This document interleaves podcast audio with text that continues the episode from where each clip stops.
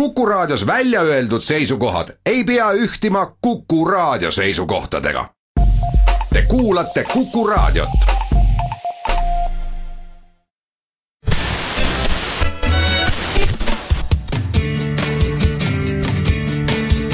Radio Talsinki. Radio Talsinki ja unikaalsed Eesti lood toob teieni Solosokos Hotel Estoria. Radio Talsinki Tervetuloa jälleen Radio Talsikin ohjelman pariin ja Kukkuradion aalloille. Eletään juhannuksen jälkeistä viikkoa ja viikonloppunahan se oli ja tuota hieman ennemmin jo täällä Viron puolella.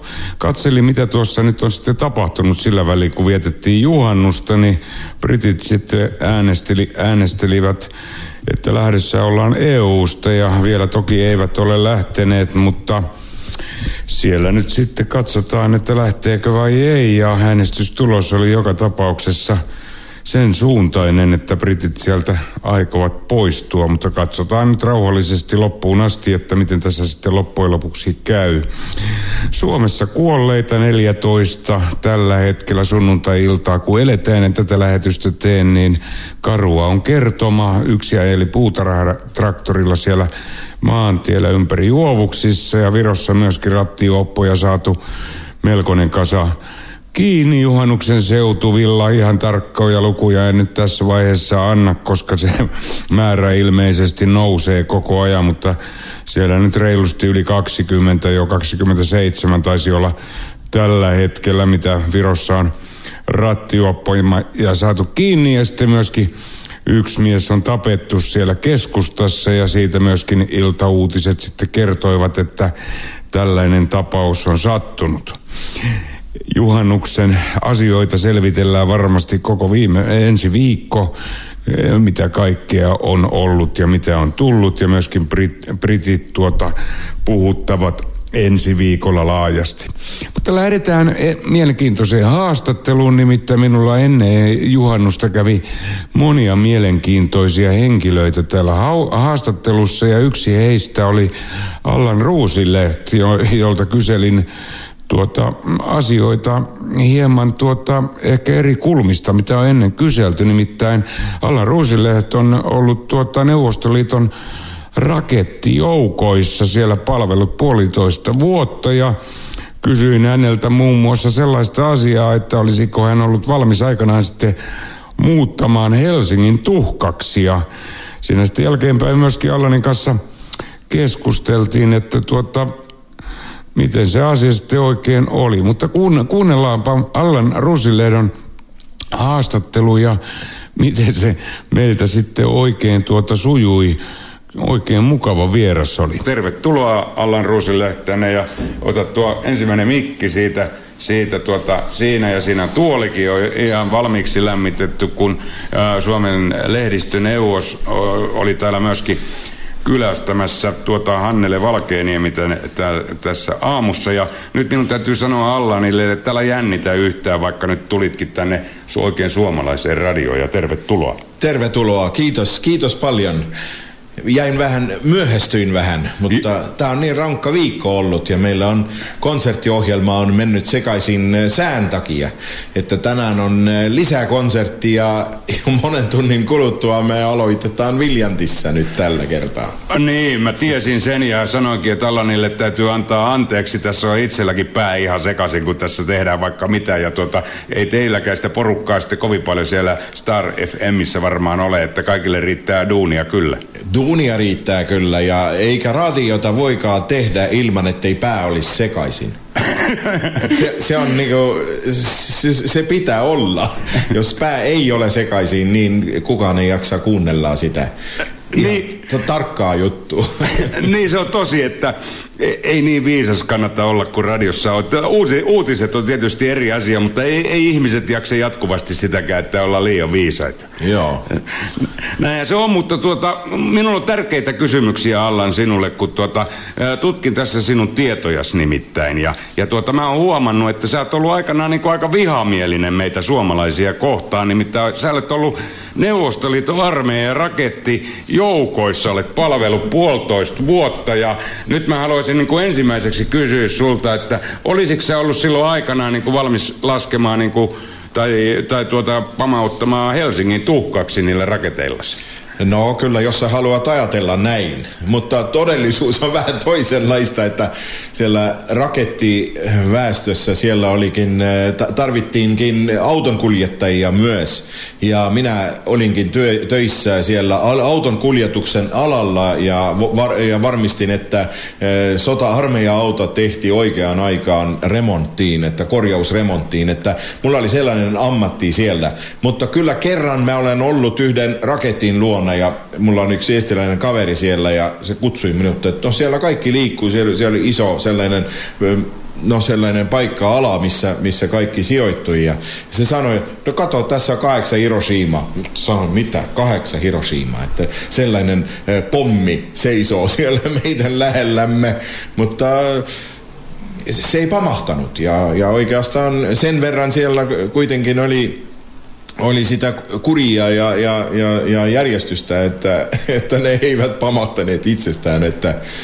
No, minua nauratti se, kun Muhusaarilla on semmoisia betonisia raketteja. Ja, ja muistatko sä semmoisia, kun eh, Neuvostoliiton aikana ilmeisesti satelliittikuvissa näkyy, että niin siellä mukaan raketteja. Tai niitä, sitä varten ne varmaan tuonne pystyteltiin joskus tai laiteltiin metsiin. No joskus joo, se oli, se oli kyllä semmoinen juttu. Ja, ja, ja jos, jos, jos sä kysyisit vielä, että kuinka paljon eh, Suomesta tiedettiin, niin tiedettiin aika paljon. Mulla oli siellä yksi tuttu latvialainen kaveri, oli, oli siellä kart, karttaosastolla että mä menin hänen luon ja, ja sitten mulla oli yksi hyvin hyvä tuttu Suomessa ja mä sanoin ihan täsmälleen e, kilometrin mukaan, miten ajaa hänen luo sinne pi, pieneen kylään. Että neillä oli niin tarkkoja kartta, karttoja, e, niin kuin, niin kuin Piiter, Piiteristä ja Pietarista ja sen ympärikin, että, että Suomestakin oli niin tarkkoja karttoja, että mä voisin sanoa, että nyt kärpäs lentä sulle lentoi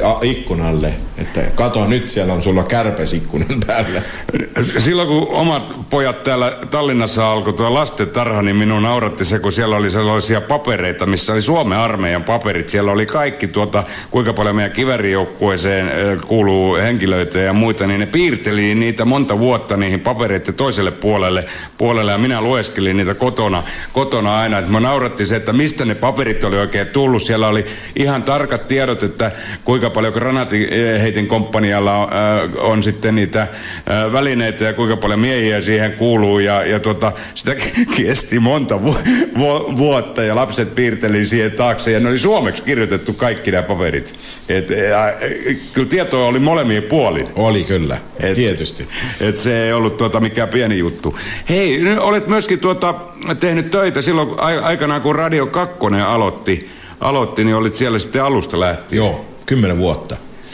Eli siellä oli se sitten se oikea radion tekeminen sen aikaa, vaikka ennen sitä olikin ollut jo vuonna 1992, mä olin itse radion johtaja, eh, mainostoimiston johtaja, itse löysin eh, mainostukset ja, ja valmistin niitä ja tekin kaiken, kaikki työ, työt sama pikku radio, se oli sitten eh, kuunneltava ainoastaan Tallinnan alueella, mutta se oli niin suosittu ohjelma, se Linna Radio oli se omana aikanaan että jos meillä oli perjantai-ilta ja meillä oli se toivekonsertti ja jaettiin puhelinnumeroita ja tutustuttiin nuoria no keskenään, koska silloin Facebookia hän ei tietysti ollut vuonna 92, 91, 92, niin, niin me oltiin niin kuin Facebookin sijasta vietiin nuoria ihmisiä illalla juhlimaan yhdessä. Ja, ja me oltiin, oltiin niin suosittuja, että joku soitti meille, että kuule mä olen tässä kulmassa – missä autot seisoo punaisen valon takia odottaa tässä. Et jos joku sanoo jonkun vitsin, niin kaikki nauraa samanaikaisesti kaikissa autoissa, mikä mä näen tästä. Et se, oli, se oli kyllä niin suosittu, että perjantai-iltana ei, kuul, ei kuunneltu mitään. Se oli ihan varma juttu, ta, ainakin Tallinnassa. Sitten tuli se Radio kahden aika kymmenen vuotta siellä ja nyt mä olen ollut melkein jo ö, yli kymmenen vuotta Star FM-radiolla.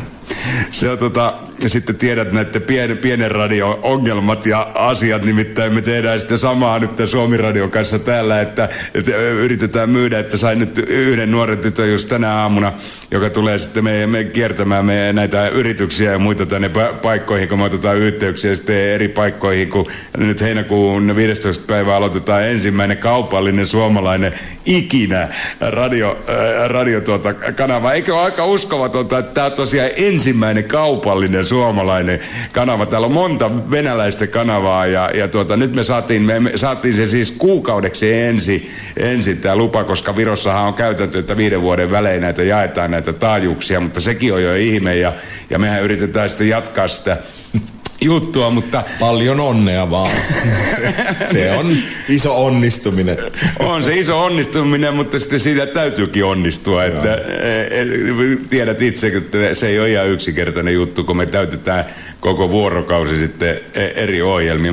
Parikymmentä tekijää meillä on ja, ja tota, sillä lähdetään eteenpäin. Ja mielellään tehdään sitten myöskin tietysti eh, Star FM ja joka suunnalle töitä, että me, meitä ei voi sillä tavalla laskea suoraan kilpailijaksi oikeastaan yhdellekään virolaiselle eh, radiokanavalla, vaikka virolaiset meitä paljon kuunteleekin. Joo.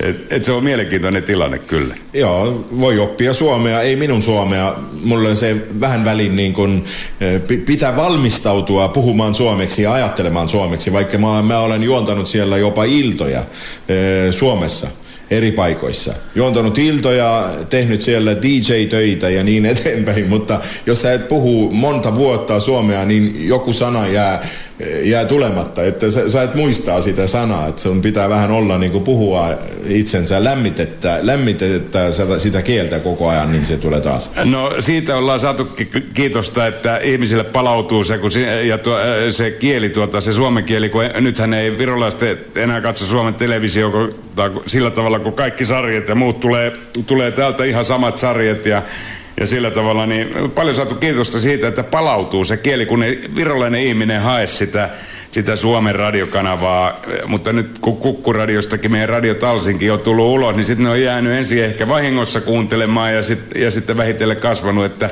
meillä on 80 000 kuulijaa joka lähetyksessä siinä Radio Talsingissa? No minä olen kovin kasvanut suomalaisessa ympäristössä, koska Suomen radio oli sieltä, mistä jopa vuonna 73 odotettiin, että tulee Gary Glitterin uusi levy soittoon. Ja siellä oli niin vähän sellaista rock-ohjelmaa. No sitten tuli rockradiot ja, ja, ja sitten tuli ne kaikki muut sinne ja, ja rupesi tulemaan musiikkia, mikä, mikä kiinnosti minua, koska se oli just se aika, milloin mä olin kiinnostunut musiikista eniten eli seitsemännessä luokassa viiva 11 luokkaan asti. Silloin ihminen ottaa vastaan kaikki, mikä tulee. Ja se, se mikä tuli, se oli, se oli niin suomalaista kyllä, että siellä oli Juisteskiset ja Hektorit ja, ja kuunneltiin kaikkia ja rockradio soi joka päivä. Se oli oikeaan aikaan vaan piti kuunnella ja katse, katsettiin telkkaria ja nyt on vahingossa on sattunut näin, ettei e, Suomen televisiokanavia voi nähdä enää ilmaise, ilmaiseksi ja se on vahinko. Ykkönen ja kakkonen näkyy kyllä. Öö, ilmaiseksi tietääkseni ei näky, joka, jokainen ei, ei pe- Joo, tulee sitä. kaapelin kautta ihan Ne tosi. tulee kaapelin kautta, mutta ne pitää tilaa erikseen, jos eilen katselin sitä. Että ah, me, meillä tulee, mutta kun itse en tilannut niitä, kun vaimo aina hoitaa nämä, Aha, nämä tilaukset, niin saatan olla... Suomalaiskanavat tulee te- tilata erikseen ja TV3 ja 4 halusinkin nähdä ja mikä supit ja mikä siellä oli oman aikana vielä nyt, nyt myöhemmin myöhempään aikaan tietysti. Sub-TV, oliko? Oli joo, kyllä on. Joo. Kyllä. Ja minun mielestäni taitaa olla vieläkin. Mutta aika vähän tulee itsekin katsottua Suomen kanavia tällä hetkellä, kun, ei, ei tota, no, niin kun on niin kauan ollut täällä, että mullakin tulee jo parikymmentä vuotta kohta täällä Virossa, niin, niin ei vaan, enää sitten on moni asia, joka ei enää kiinnosta. Ja sitten muuten, katsoin tuossa äidinkielen opettaja, niin, niin kieli muuttuu. Esimerkiksi semmoinen sana, tiedät, tiedätkö sinä mitä se tarkoittaa kuin mäyräkoira? Tiedän. Se on äh, mäker estiksi. Niin, mutta tuota, mitä se tarkoittaa slangina? Äh, ei sitä tiedä. Se on semmoinen katu, kun ärkioskissa on ollut, olutta 12, 12 sinne matala, niin, niin se on tullut jälkeenpäin esimerkiksi. Mä aina tiennyt sanana, ja nyt olen tiennyt se jo monta vuotta, mutta kun ihmetteli, kun ihmiset sanoo, että menen nyt hakemaan mäyräkoiran tuolta ärkkioskista, niin mä olin ihan pihalla, että kun itse olen ollut Lontoossa ja Tukholmassa ja nyt Tallinnassa ja, ja tota, että miten näitä sanoja tulee niin kuin koko ajan lisää, vaikka olet suomalainen ihminen, niin et tiedä kaikkia ja ja täälläkin on paljon slangisanoja. On, on niitä, joo. No Suomessa mun äitini on asunut Suomessa monta vuotta melkein jo kymmenen vuotta ja, ja hän sanoi, hän on työskentellytkin siellä ja, ja hän sanoi, että niin vaikea on, hän oli töissä ärkioskilla ymmärtää kaikki nämä lotto, lotto ja, ja jopa sanomalehtien nimet. Että ne on, ne on, kysytään ihan toisenlaisia juttuja, että, että mit, mitkä todella lehet on, että missä siellä on Hesarit ja Just, just. Joo. Tusa, tusari on. Helsingin Sanomat. ei kukaan, antakaa mulle, olkaa hyvä, Helsingin Sanomat. Ei kukaan. kukaan ei puhu noin. Ei kukaan. Just tuossa poikien kanssa olen puhunut, kun tota, me, mehän puhutaan kotona kahta kieltä koko ajan, vaimoni on virolainen ja, ja, tota, ja pojat, me ollaan puhuttu siis ihan la, sillä tavalla, että pojat lapsesta asti on kahta kieltä, sovittiin näin, että puhutaan, niin, niin sitten heillekin tulee semmoisia sanoja, he tulee aina kysymään, että iskä, mitä tämä oikein tarkoittaa, tämä, tämä ja tämä sana. Kun, kun on. Mutta minun mielestäni virolaisissa slangisanoissa on myöskin aika hauskoja. Esimerkiksi Jacks, joka tarkoittaa välky mihkel, siis tota, tulee sytyttäjä, niin se voisi olla kummassa maassa vaan, koska sehän on se sytkäri ääni, se Jacks. Joo, ilme. Ja en mä tiedäkään, mistä se on tullut, koska mä oon estin kielen opettajana työskentely. Ja jopa slängiä olen, olen no, niin kuin tutkinut ja, ja kirjoittanut siitä jopa yhden työn omana aikana, kouluaikana, että kyllä se muuttuu ja, ja kyllä se slängi, se on joskus ihmeteltävä, miten ihmisten ajatteluissa nämä sanojan tarkoitukset liikkuu. Et se, on, se on ihan ihme juttu, mutta se on, se on kiinnostava, se on hyvä, se on, se on, sitä on kaunis kuunnella ja sitä pitää rakastaa ja, ja, ja jos, joskus sä saat nauraa jopa vaikka sen mäyrän koiran päälle, että, että miten se on mahdollista, että näin ihmiset on sitonut yhden asian toisen kanssa. Pidetäänpä pieni tauko tässä haastattelun välissä ja palataan sitten jälleen Kukkuradion aalloille ja Radio Talsinkin ohjelman pariin. Kuunnellaanpa tähän väliin teemaan sopivaa musiikkia.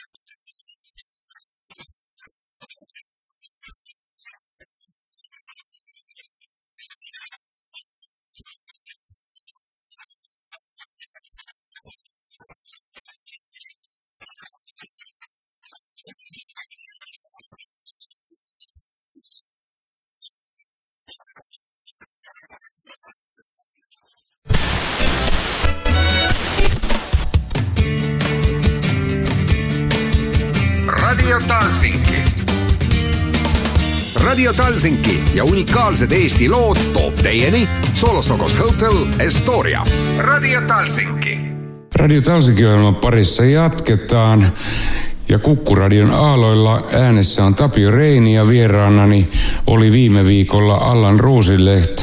Jatketaanpa kuuntelua, miten haastattelu jatkui. Miten sä ajattelet tällaista, että onko Tallinnalla samanlainen asema vähän, että kun helsinkiläiset on aina, että hei me ollaan stadista, vaikka ne olisikin sitten oikeasti Kuopiosta, niin, niin, tota noin, niin vähän semmoinen, että tota, olet, en katsonutkaan, että onko se tota noin, Tallinnassa syntynyt vai missä, mistä sä oikein oot, sä täältä ilmeisesti joo, joo. alkujaan, niin onko se niin kuin leuhkempi, leuhkempi kuin noin maaseudun ihmiset? ei, ei varmasti. Se Eesti on niin pieni, että tällä ei jaksa olla, mutta joskus joku haluaa olla sellainen eri, erityyppinen jotenkin. Mun mielestäni se näyttää ainoastaan vaan sitä, että me, me todella asutaan Euroopan reunalle ja Tallinna on mikä, mikä reunakaupunki vielä kauempas kuin, kuin, kuin mikä, mikä toinen maa tai kaupunki. Että joskus, että jos ihmiset rupeaa ajattelemaan näin, se Tallinnan keskus, keskeistää. Jos sä työskentelet Tallinnassa, niin sä asut täällä, niin sä tiedät ravintoloja ja, ja sen, ei sen enempää. Että. Tuota, Kuunteletko muuten itse radiota? Yleensä kun radioporukkaissa ollaan, niin kuinka paljon sä itse kuuntelet radioita? Ei jaksa kuunnella. Se onkin metka, että tota, yleensä radioporukka kukaan ei kuuntele oikeastaan, mutta minä kuuntelen joskus autossa, jos tulee tuota, mielenkiintoisia, mutta kuunteletko sinä autossa radiota? Ei, melkein ei koskaan. Melkein ei koskaan oma ohjelmaa joskus kuuntelen, jos, jos mulla on se perjantai- ja lauantai-illan Allan Roosilehti show, jossa minä olen valinnut koko musiikin. Että joskus mä kuuntelen, että mitkä kappaleet tulee minkä kappaleen jälkeen, mutta nyt mä kuuntelinkin sitä puolen vuoten kuluttua ehkä, ehkä kerran vaan yöllä, kun me ajettiin nyt. Oli meillä se iso konserttikeikkojen sarja Eestissä, niin mä kerran kuuntelin sitä ohjelmaa. Mutta yleensä mulla on siellä oma musiikkia. Oikeastaan mulle soi tänään, just kun mä ajoin tänne, mulle soi eh, Pink Floydin Atom Heart Mother 73 vanhat Pink Floydin levyt, koska mä olen halunnut ostaa niitä nyt vinyylijulisteina uudestaan. Ne on tullut ulos. Ja sitten mä en avaakaan vinyyliä, vaan mä kuuntelen oma... No, mulla on jo klassikko, että kaikki, kaikki hyllyt mahtuu yhteen sellaiseen pikku, no mikä se info. Niin, tikkuun. Jaa, tikkuun. Melkein koko koko mun fonoteekki, että mahtuisi. Meillä on tällä hetkellä kootaan Suomessa siihen sitten analogisia lähetyksiä, että me myöskin siirrytään enemmän semmoiseen rockpainotteiseen musiikkiin ja, ja tuota, tuodaan sitä, sitä meidän osalta enemmän esiin. Ja, ja tuota, katselin tuossa, että me ollaan samana vuonna syntytty, synnytty, sinä olet syntynyt augustissa, olet, oli, e, eli olet poika minuun verrattuna, koska minä olen syntynyt mai, e, maikuussa, eli toukokuun. to, Mä olen ihan nuori. niin, niin, niin, katsoin, että mielenki, mielenkiinnosta aina tuota, on mukava jutella sellaisten ihmisten kanssa, kun on syntynyt samana vuonna ja tiedät, ollaan samaan aikaan lähdetty kouluun siellä syksyllä ja, ja tota, 80 kilometriä on ollut väliä ja Joo. niin erilaisessa, tiedäksä, maissa. Joo, ja jos sulla, sulla on välillä sen 80 kilometrin mukaan vielä Venäjän raja, niin se on, se on ihan mahoton juttu. Ne on kaksi eri maailmaa. niin, tosi, tosi ole vähän kauempaa kuin oli sieltä rannikkokaupungista Raumalta. Aha. Kotoisin, tota, missä meillä on oma kieli, mutta kuitenkin kun ajattelee, että minkälainen kulttuuriero, minä kävin ensimmäisen kerran laivalla täällä 76 ja, ja muista kuinka pimeä Tallinna silloin oli ja miltä se näytti ja pelottikin täällä ihan pirusti, kun sä oot nuori, niin, ja, ja, ja tota, eh, kun et tunne kaupunkia, niin, niin se aika oli kyllä melkoista, melkoista touhua. Koska sä sitten päätit, että sä alat radioita tekemään? En mä päättänyt mitään. Että se vaan, se vaan lähti jo neuvostoaikana, mutta silloin oli, että mun ohjelmista, mä oon sellainen kaveri, että mä en jää, mä yritän puhua asioista toiseen, vähän toiseen päin ja joskus huumorilla ja niin eteenpäin. Ja sitten sieltä leikattiin niin paljon pois, että siellä se, siitä DJ, DJ-ohjelmasta jäi aika vähän jäljellä oman aikana. Mutta on jopa ollut sellaistakin, että on leikattu ja leikattu ja leikattu ja lopulta ei jäänytkään enää ohjelmaan. Sanottiin, että se peruutettiin kokonaan, että se ei kelvannut mihinkään. Kato, siinä kävi Siellä oli sellaisia vitsejä, jotka ei sopineet ja oi se oli se oli helvetin raskasta aikaa. Kato sen takia, että tämmöinen suoma, suomalainen radio myöskin, kun minä tein näitä 80 ohjelmaa, en nyt sano mihin, mutta erääseen radioon, ja sitten sitä alettiin leikkaamaan, ja leikat, leikattiin ja leikattiin, ja sitten kun huomattiin, että joku tykkää minustakin, niin sitten sitä leikattiin vielä enemmän, ja sitten mä kyllästyin ja sanoin, että nyt riittää tämä leikkaaminen. No nyt, nyt täällä, tänä, tänä aikana on ihan, ihan, sä voit puhua kaikesta ihan vapaasti, että, että se, on, se on kyllä hieno siellä radiotöissä, että sä saat puhua omasta ajatuksistani ja, ja ehkä minä olen nyt ollut kuuluisa siitä ajatuksesta, että mä olen mahdollisemman liberaali kaikeissa suhteissa, jopa alkoholin myynnin ja, ja kaiken sellaisen suhteessa. Ja, ja olen terve, terveisiä sanonut suomalaisille omassa ohjelmassani, aamuohjelmassa Star FMillä sen takia, että ne ovat nyt helpottamassa sitä alkoholipolitiikkaa ja, ja pistämään sellaiset kevyt juomat takaisin ruokakauppaan. Että terveisiä vaan ja se on hyvä ajatus ja, ja ihmiset, minun ikäiset ihmiset ei pitää olla, he, he eivät pitää olla vankeina omassa maissa tekemättä jotakin, mikä on kiellettyä mihinkin johonkin aikaan. Että se, se, se ei voi olla mahdollista näin. No minä taas luulen, että ne juo itse kuoliaksi. Mä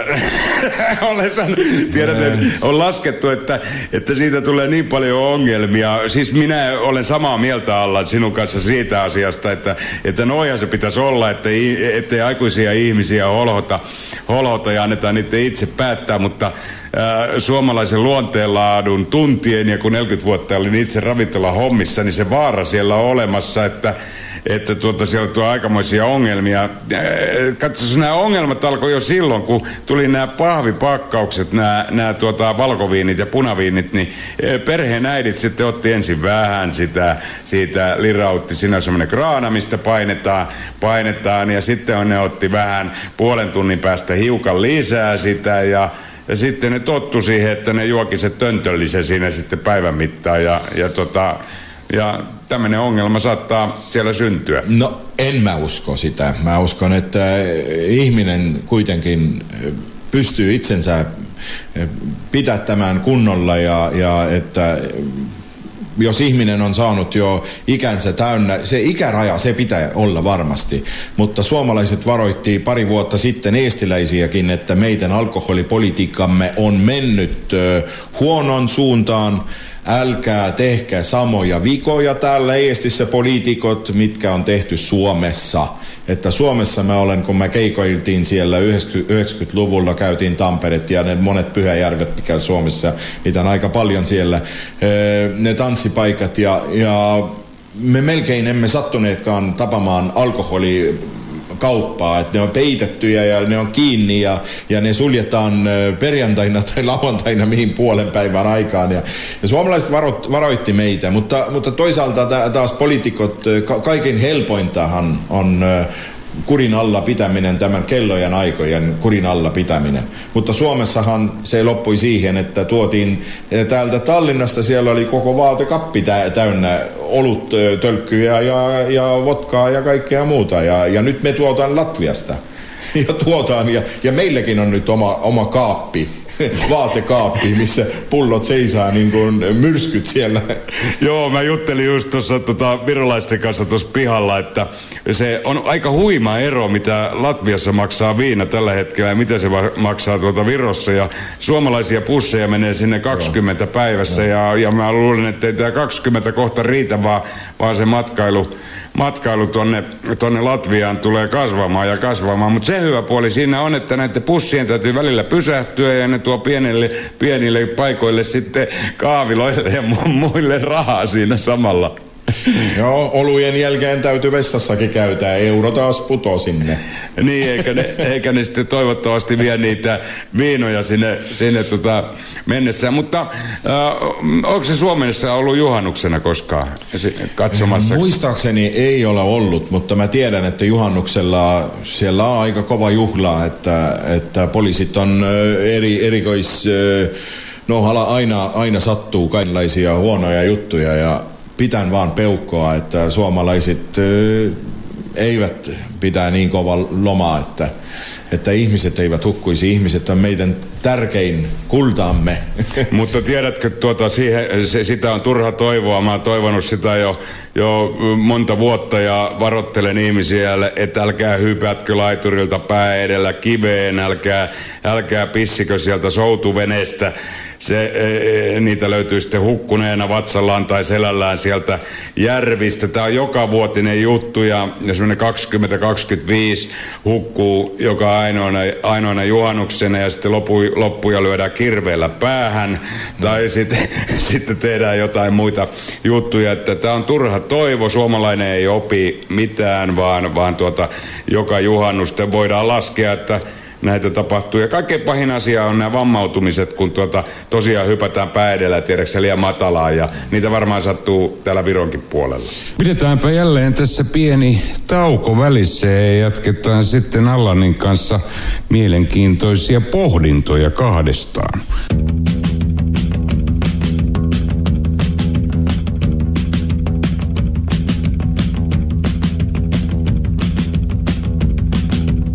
Se hyvä, että tässä maailmassa on vielä jotain tavallista, joka ei sekoile, ei vaan seikkaa, eikä ole kuullutkaan ankkulista. Kaupaopiston naiset, ne todella kääntää mun pään. Kaupaopiston naiset, ne todella kääntää mun pään. Kaupaopiston naiset, ne todella kääntää mun pään. Riideltiin ja sovittiin. Mä sanoin juu, sä sanoit ei, mä sanoin juu, sä sanoit ei, mä sanoin juu, sä sanoit ei, mä sanoin juu. Kaupaopiston naiset, ne todella kääntää mun pään. Kaupaopiston naiset, ne todella kääntää mun pään. Kaupaopiston naiset, ne todella kääntää mun pään.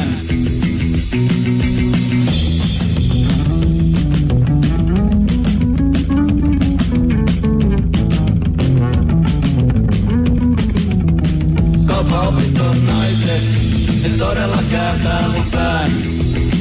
Kaupaopiston naiset, ne todella kääntää mun pään. Kaupaopiston naiset, ne todella kääntää mun pään. Otin sulle jättiläisnalle karhun, sain palkaksi ikuisen ystävyyden. Menimme katsomaan tuulen viemään, rivit tuli täyteen, mutta riimit ei kaupaopiston naiset ne todella kääntää mun pään. Kaupaopiston naiset, ne todella kääntää mun pään. Kaupaopiston naiset, ne todella kääntää mun pään. Kaupaopiston naiset, ne todella kääntää mun pään. Kaupaopiston naiset, ne todella kääntää mun pään.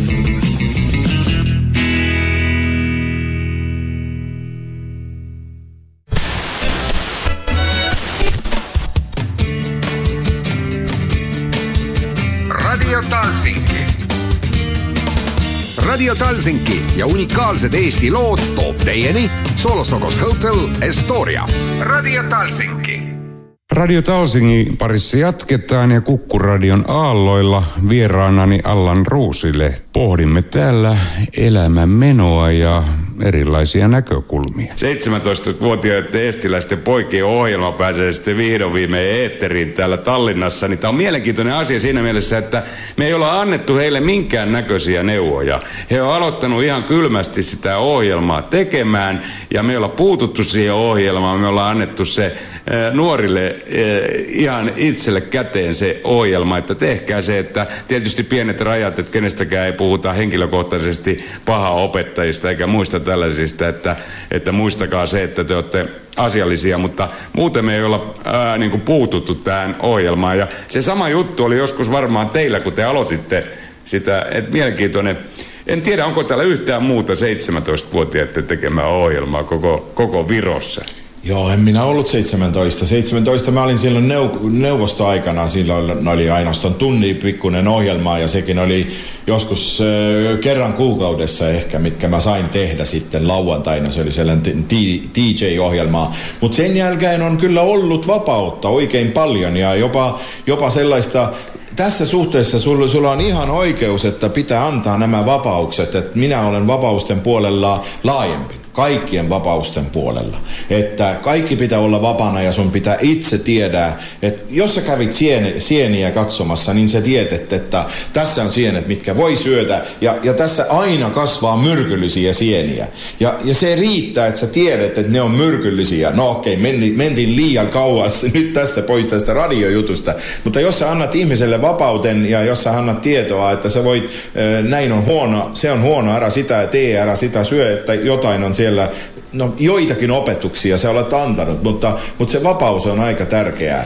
Ja, ja sitä vapausta olen saanut minäkin olla, että, että joskus, joskus se vapautta on liian, että sä haluat kysyä, että kuule nyt on tehty kaikki, mitä me osataan tehdä. Sitten kysytään vanhemmilta, että sano mulle nyt jotain, anna joku vinkki, että mistä mä vois liikkua eteenpäin. Että se, sekin on kiinnostavaa. Kyllä, niin. Joskus sitä miettii sitä, että mekin opetettiin, niin silloin alakoulussa ja jo elettiin semmoista Suomen alakoulussa 60-luvulla, että meistä tehtiin semmoisia tavallaan luuseria, luusereita, jotka, jotka tuota, joutuu elämään tietyssä karsinassa. Ja, ja tota, onneksi se on Suomessakin muuttunut kyllä hyvin paljon, että ihmisille annetaan niin enemmän vapautta. Ja peruskoulu oli yksi sellainen asia, joka Suomessa muutti tätä, tätä ajatusmallia, että mehän oltiin sellainen sukupolvi, joka otti aina tuota, katso televisiosta, kun me otettiin 10-1 Neuvostoliitolta jääkiekossa selkeämme. Ja se on hyvä vertaus siinä mielessä, että nythän Suomi taistelee ihan tasapuoli tasapäin siellä, siellä, koska mentaliteetti on yksinkertaisesti muutettu jo päissä, että meidän, ei, meidän ei tarvi hävitä, vaikka me ollaan pienempi maa. Mutta siihen aikaan hoettiin aina, että me ollaan niin pieni ja vaatimaton ja, ja surkea maa, että e, e, tavallaan ei sitä nyt ääneen sanottu, mutta annettiin semmoinen kuva. Ja. ja siihen meni vuosia ennen kuin se muutettiin se ajattelumalli. No se ajattelumalli on tietysti, se on neu- neuvostoaikaina se oli, sinähän olit sellainen, sulle annettiin luvaa jopa auton ostoon ja, ja, ja asuntoon ja sulle annettiin luvaa niistä, mitkä sulla on ollut vapaudet jo monta polvea, monta sukupolvea. Meillähän oli, me ototettiin milloin meillä valtio antaa luvan ostaa auton esimerkiksi, että, että no tietysti, että sellaisia juttuja on, mutta mitä, mitä vähemmän niitä on, se on sitä, sitä parempi, että ja, ja minua on elämäni aikana auttanut tekemään ohjelmia, eh, ohjelmia oikein paljon tämä, jos mä olen ajatellut taka, takapäin, että mitä mä ajattelin, kun mä olin 17. Niin, mulla oli tärkeä musiikki, mulla ei ollut tärkeää opintoa, mulla oli tärkeä tytöt. Ja jos, jos mä ajattelen, niin sitten mitä mulla oli tärkeä 21 yhtenä vuotena, jos mä olin 30, mikä oli mulle tärkeä, niin mä ymmärrän sitä sukupolvia paremmin ja Mä uskon, että minusta ei tule koskaan sellaista, että no mitä sä nuorten musiikkia, sehän on sellaista kauhea. Mun isä tuli, tuli, astui mun huoneeni ja kysyi, no mitä sä poika kuuntelet, että saksalaisia vanhoja hyviä lauluja on niin paljon ja sä kuuntelet tässä Deep Purplea, kuule jätä se heti. Se, se kauhea musiikkia toistuu yhtä samaa ja, ja se on aina ollut näin. Ja, ja, ja nytkin ihminen, jos se, se ei muista, mikä oli tärkeänä hänellä vuonna, no, kun hän oli 18-vuotias, niin sä, sä ymmärrät paremmin ihmisiä, jos Joo, kyllä me, siis mehän elettiin, me oltiin semmoisia jälkihippejä, me elettiin sitä jälkihippiä aikaa, aikaa tuota sanotaan, että oltiin kakkoshippejä, minullakin oli pitkä tukka, varmaan sinullakin oli. Minullakin oli, joo. Joo, ja, Jimi Hendrix, Janis Joplin ja Black Sabbath ja Uria Heep ja... Ja Harry Gaines. Harry Gaines, tietysti mulla onkin paljon täällä Harry Gainesia, joka aamu pitää yksi tai kaksi soittaa Harry Gainesilta, että... Get on, get on baby, get on. Remu on paras. ja, ja tota, Remu on kyllä ollut tuota, täällä Virron puolellakin varmasti yksi tunnetuimpia kavereita Dingo ohella, niin, niin... Remu tuli meille festivaaleille esiintymään. Ja sitten hän tuli sieltä pääsy portista tuli sisään ja sitten se turvamies, turvakaveri rupesi kysymään, että missä sun kaulakortti on? Jos sä olet esiintyjä, niin sulla pitää olla kaulakortti. Se teki näin, sanoi, taputti otsalle ja sanoi, kato tässä on kortti, niin tässä. Hienot jutut. Ei, Rem, voi kuvitella, kun Remulta on joku kysynyt kaulakorttia. Se on, se on Joo, kyllä... tässä, kato tässä. niin, Remusta semmoinen juttu, että kun yleensä bändeillä täytyy olla takahuoneessa ää, ne pitkä luettelo, että mitä siellä tarvii olla, niin tunnen tuota ää, Nipa, joka siellä on, soitteli myöskin joskus aikanaan sitten, kun Hurrikanissa on ollut mone, monta eri kitaristia, niin, niin hän kertoi, että Remu, Remulla oli tiukka, tiukka tuota vaatimus sinne takahuoneeseen aina, että siellä täytyy olla, olla tuota karamelleja. Ei se, Remu ei vaatinut viinaa ja sitten Remu piti erittäin paljon naisista.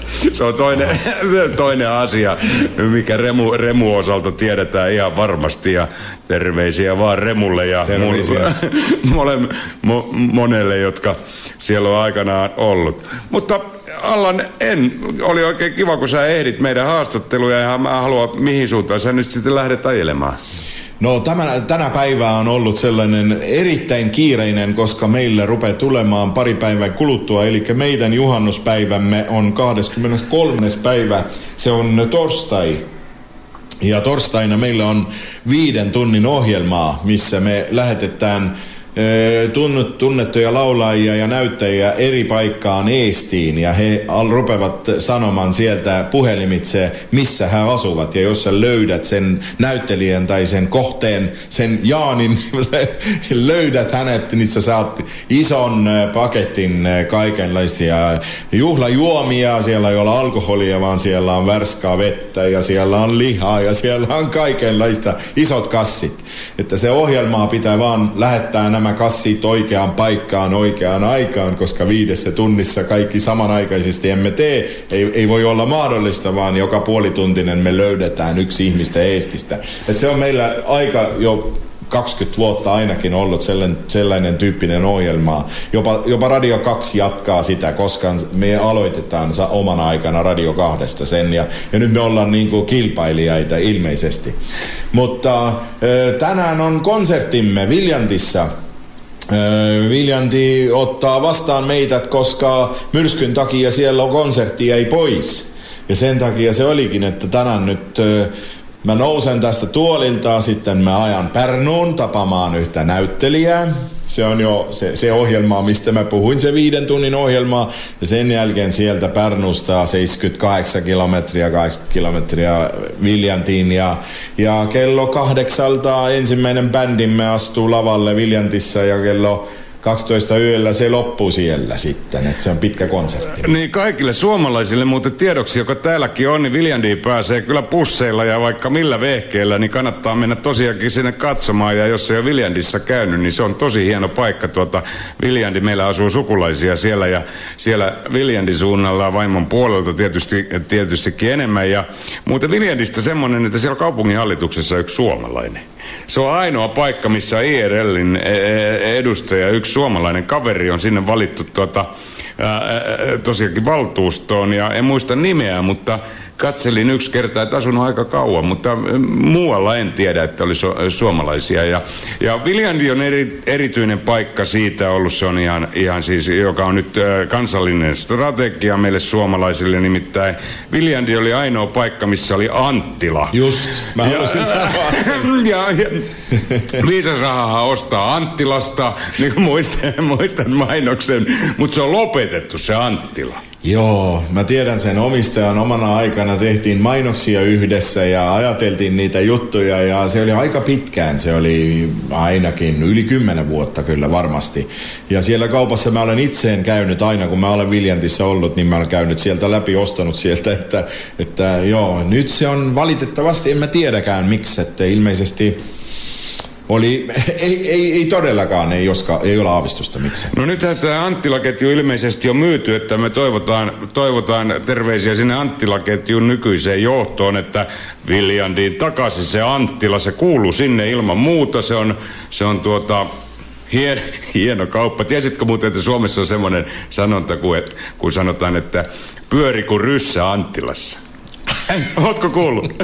En ole vielä. Nyt olen. Se on hieno. Eikö on, niitä on enemmän tietääkseni H- ja M-kaupoissa ja siellä muuallakin. Että... joo, mutta se oli, se oli aikanaan tuota... Se, se oli aikanaan, joo. Semmoinen sanonta ja, ja se on rumasti sanottu. Muuten äh, oma isäni oli koko sodan aikana 40, äh, tai silloin 39, kun talvisota alkoi, niin ihan sodan loppuun, mutta koskaan isäni ei käyttänyt sanaa ryssä, vaan sanoi veli venäläinen. Joo. Et se oli aika tota, äh, tota, minun mielestäni jälkeenpäin kun ajatellut, niin hieno asia, että hän ei koskaan ryssitellyt tuota, se oli se, se toinen puoli, joka taisteli heitä vastaan, mutta aina sanoi, että veli venäläinen. Ja se kuulostaa vieläkin ajatuksissa multa niin kuin kummalliselta, että... Miten hän mahtaa pistää pyssyt Niin, tai että, e, että mitään vihaa tai semmo, semmoista siihen. Kai sinne sitten jäi sinne, sinne aikanaan. Mutta nyt päästetään tuota Allanin reissuun ja, ja tota, nyt totesimme sen, eli Allan ei olisi sitten olisi ainoastaan avustanut näissä rakettihyökkäyksissä sinne Suomen puolelle, e, e, eli sä et olisi suoraan ollut laukamassa. Ei ollut suoraan, joo. Se punaista nuppua minulla sitä painiketta, mulla ei ollut siellä. Että ilmeisesti multa ei oteta mahdollisuutta lähteä syömään vapaasti ja multa ei oteta passia siellä rajalla pois. Joo, kyllä me suomalaiset voidaan antaa Allanille tämä, tämä tuota, anteeksi ja ilmeisesti hän ei ihan vapaaehtoisesti sinne sitten kuitenkaan hakeutunut sinne, sinne rakettijoukkoihin eikä Neuvostoliiton armeijan palvelukseen. Joo, se, joo, se oli näin. en vapaaehtoisesti.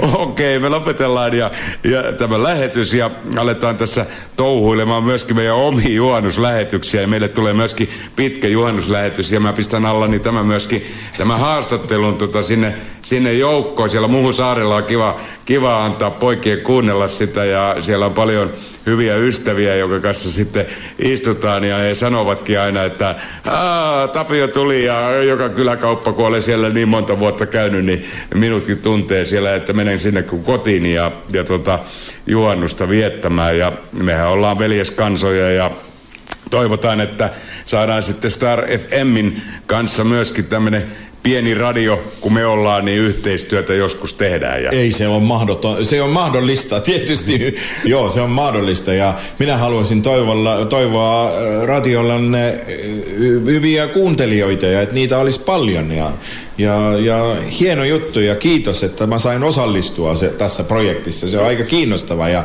kiinnostavaa puhua suomea taas yli pitkään. niin moni on sanonut muuten, että tosi kiva puhua suomea. Näistä virolaisista politikoista myöskin. Ja, ja sitten kun on ensiksi uskaltanut tullut, tuo oli muuten mielenkiintoinen, että Viktor Vasiljev puhuu, Vasiljevits puhuu suomea. Aha. Ja ihan tota, ja se, se on hauskaa muuten, kun sun täytyisi yksi kerta kuunnella sitä, kun Viktor puhuu suomea.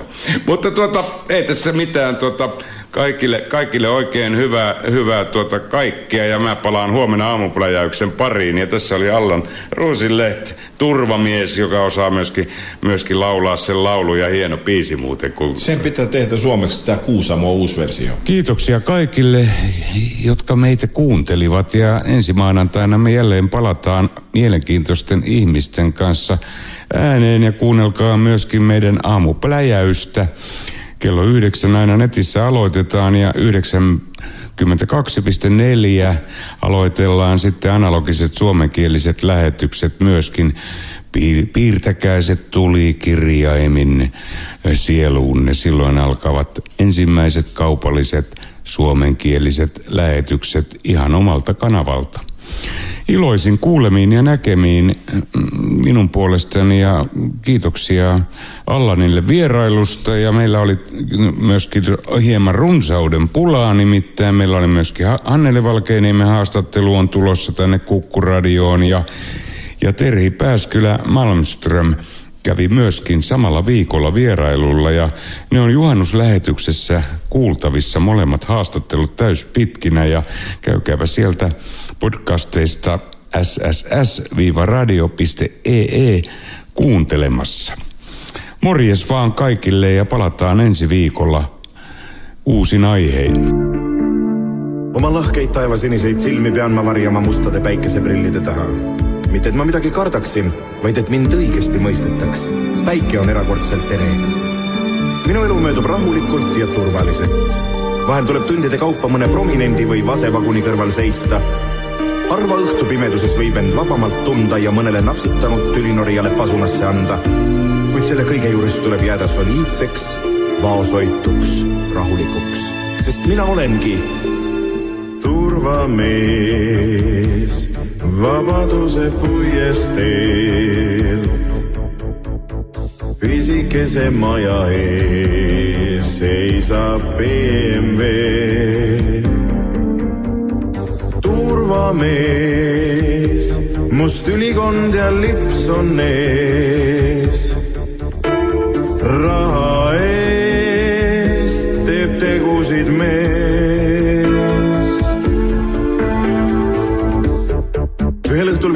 Väravasse päratu must Ameerika limusiin. uks avanes ja sellest libisesid tänavasillutisele kõrgetel kontsadel päevitunud pikad sääred.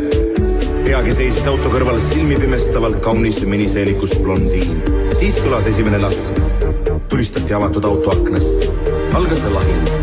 katsin pea kätega järsku kõik vaibus, minu kõrval seisis mingi mees, tõstsin silmad, loojuva päikese helk pimestas, kuid ma tundsin oma ammuse rivaali ära see oli turvamees linnakivi puiesteel.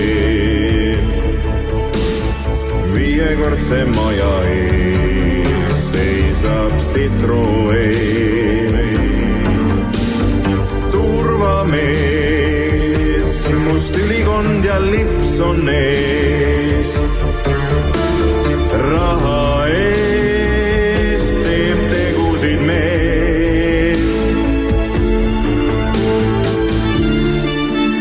Aeg nõuab segaseid inimesi. meie palatis on kaks kuningat, keiser, kolm peaministrit, mõned presidendid ja üks kindral. piimasupilauas mõtlen käeraudadele, mis ma karusmarja põõsa alla maasse kaevasin. oma eelnenud elust ei tule mulle paljudki enam meelde, kuid ma tunnen, et ühel heal päeval kaevan ma väärt instrumendi välja. südames on mingi eriline aimus, justkui mind oleks tagasi valitud. oleksin justkui turvamees vabaduse puiesteel. pisikese maja ees seisab BMW. turvamees, must ülikond ja lips on ees. raha eest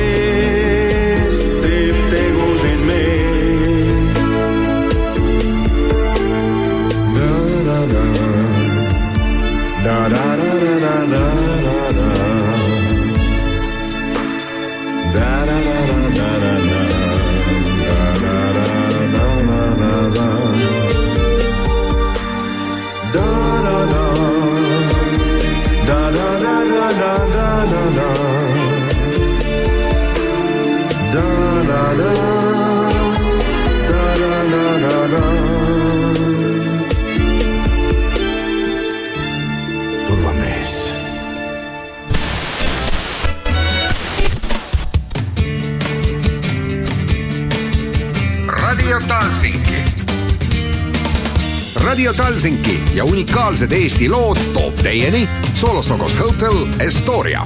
Radio Talsinki